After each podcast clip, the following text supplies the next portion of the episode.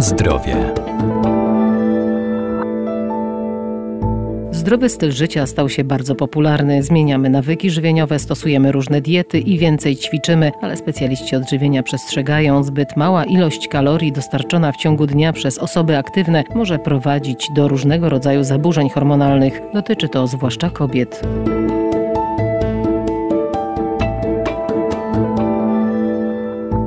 Dieta to nasz styl życia, to co na co dzień spożywamy, jednak zależy ona od naszych predyspozycji, dolegliwości czy wykonywanych czynności. Dlatego powinna być dobrze zbilansowana, zróżnicowana, a także dobrana do indywidualnych potrzeb. Jeśli chodzi o ten niedobór energii, czyli moment, kiedy osoba dużo trenuje i je po prostu za mało, to niestety konsekwencje mogą być dosyć e, poważne. Dietetyk Maciej Pokarowski, Uniwersytet Medyczny w Lublinie. Mogą one dotyczyć spowolnienia metabolizmu, spadek syntezy białek, co jest bardzo znaczące w kontekście po prostu regeneracji organizmu. Kolejna rzecz to wpływ na układ nerwowy, układ odpornościowy, układ krążenia czy układ kostno-mięśniowy. No i pamiętajmy, że organizm będzie niejako starał się adaptować do niskiej kaloryczności i będzie starał się z czasem po prostu wyłączać funkcje innych narządów bądź je ograniczać. Przez to taka osoba w momencie, kiedy ona prowadzi pewny rodzaj aktywności, no to na pewno dostrzeże w swoim treningu, że e, dla przykładu nie jest w stanie osiągać takich wyników jak wcześniej, jest po prostu zmęczona, przetrenowana, no i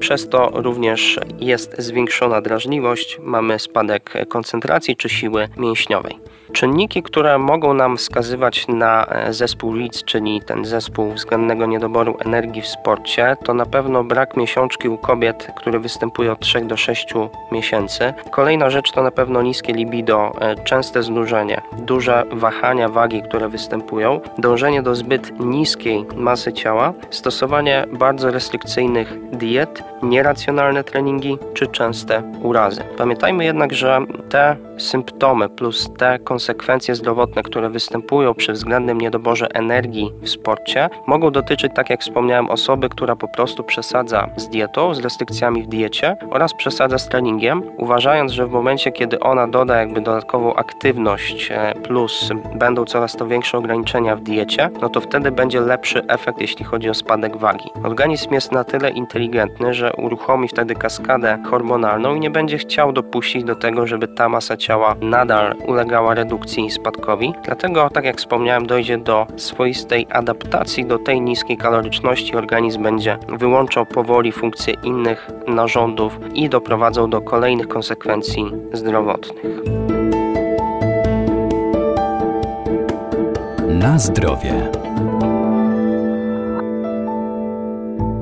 Jak temu zaradzić? Jak pomóc osobom, które cierpią na tego typu problem? Tak naprawdę rozwiązanie jest dosyć proste i polega ono na tym, żeby dodać e, nieco więcej kalorii do codziennego żywienia, zmniejszyć te restrykcje, które w diecie występują, czyli ta dieta powinna być bardziej mm, zbilansowana. Powinniśmy dodać większą ilość kalorii do diety. Dodatkowo powinniśmy zmniejszyć restrykcje co do treningu, czyli ta osoba powinna zacząć więcej jeść i mniej trenować. Przez to organizm jest w stanie wrócić do normalnego funkcjonowania. Ta adaptacja do niskiej kaloryczności powoli e, zaczyna się zmniejszać, czyli te funkcje narządów, te funkcje organizmu, które gdzieś zostały wyciszone, naturalnie powracają na odpowiednie tory. No i warto w tym wypadku też e, dosyć mocno pracować z taką osobą pod kątem psychologicznym, ponieważ e, tutaj, tak jak wspomniałem, często mówimy o zaburzeniach odżywiania, więc nie jest to tylko i wyłącznie problem takiej sfery fizycznej, ale niestety psychika odgrywa bardzo istotną rolę. Z punktu widzenia żywieniowego, jeśli chcemy podnieść kalorykę, produkty o wysokiej gęstości energetycznej będą bardzo istotne, czyli takie, które łatwo możemy jeść, a nie będziemy odczuwać za bardzo sytości. Może to być na przykład masło orzechowe, oliwa, suszone owoce, chleb tostowy, żelki, dania jakieś gotowe, szejki, koktajle, soki, różnego rodzaju izotoniki w czasie treningu, które mogą być przyjmowane, oczyszczone produkty, czyli bardziej przetworzone, mniej zdrowe, nie za dużo warzyw i owoców, czyli tak naprawdę jakbyśmy spojrzeli z boku, no to jest to zalecenie troszkę takiej diety przetworzonej, ale po to, żeby łatwo dostarczyć jednak e, kalorii takiej osobie, żeby przywrócić organizmowi podstawowe funkcje życiowe.